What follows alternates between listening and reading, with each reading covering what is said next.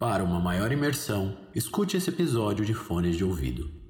Bem-vindos ao podcast Pesadelos. Antes de começar o episódio, não se esqueça de nos seguir no Instagram, pesadelos.cast, no Twitter, pesadeloscast e curtir a nossa página no Facebook.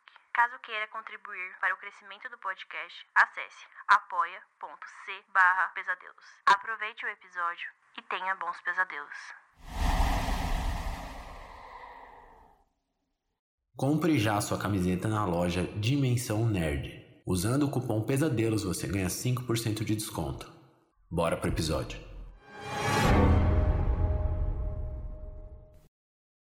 Hércules, adaptado por William Camargo.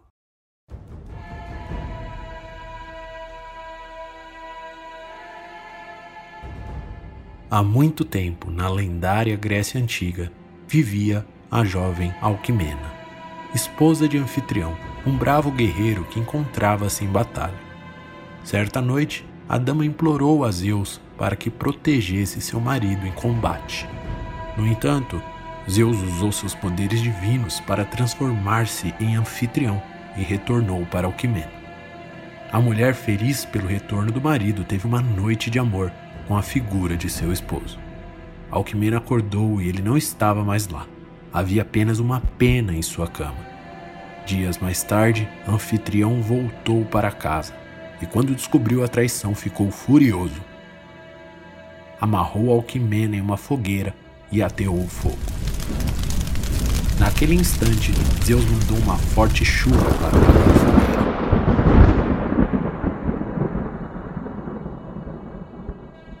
Assim, Anfitrião desistiu de seu plano e libertou Alquimena aceitando por fim o presente recebido por Zeus.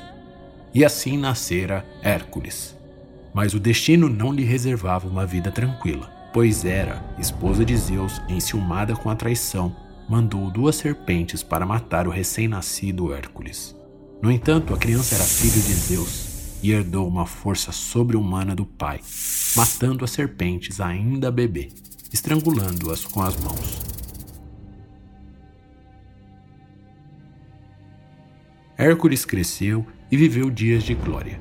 Casou-se com Mégara e teve três filhos, mas Hera ainda nutria rancor e ódio pelo semideus.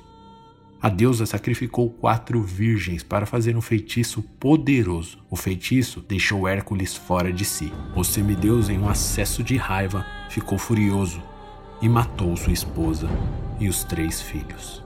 Quando se deu conta, já era tarde. Havia cometido um ato terrível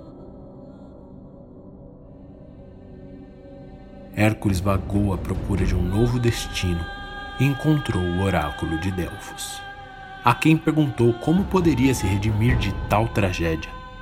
O oráculo deu a Hércules a missão de cumprir doze trabalhos, feitos heróicos dignos de um deus.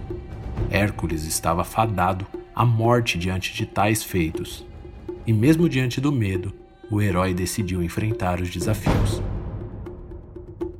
Hércules enfrentou o poderoso leão de Nimeia.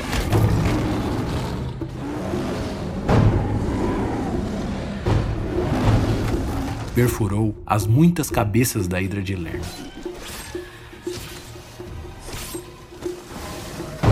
Capturou a corça mágica de Gerínia. Destruiu o javali gigante de Erimanto. Limpou em um só dia o estábulo de três mil bois do rei Algesos acabou com as aves do lago Estínfale, capturou o touro louco de Creta, domou as éguas de Diomedes, roubou o cinto de ouro da rainha Hipólita, capturou os bois selvagens de Gerião, roubou as maçãs mágicas do jardim de Hespérides e capturou Cerberus, o cão de três cabeças que guarda o inferno.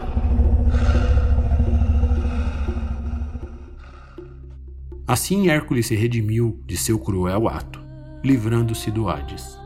No entanto, sua hora ainda não havia chegado. Hércules vivia e conheceu uma jovem chamada Dejanira. Casou-se novamente e viveu por longos anos em paz.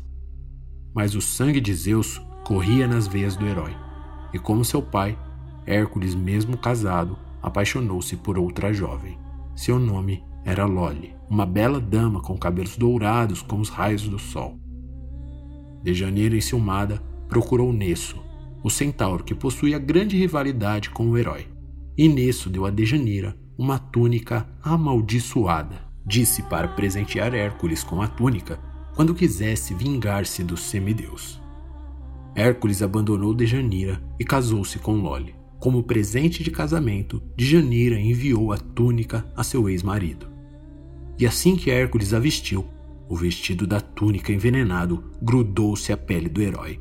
Desorientado pela dor, Hércules pulou em uma grande fogueira e morreu, queimado, chamando por seu pai. Graças a Zeus, Hércules foi retirado do Hades para enfim viver como um deus.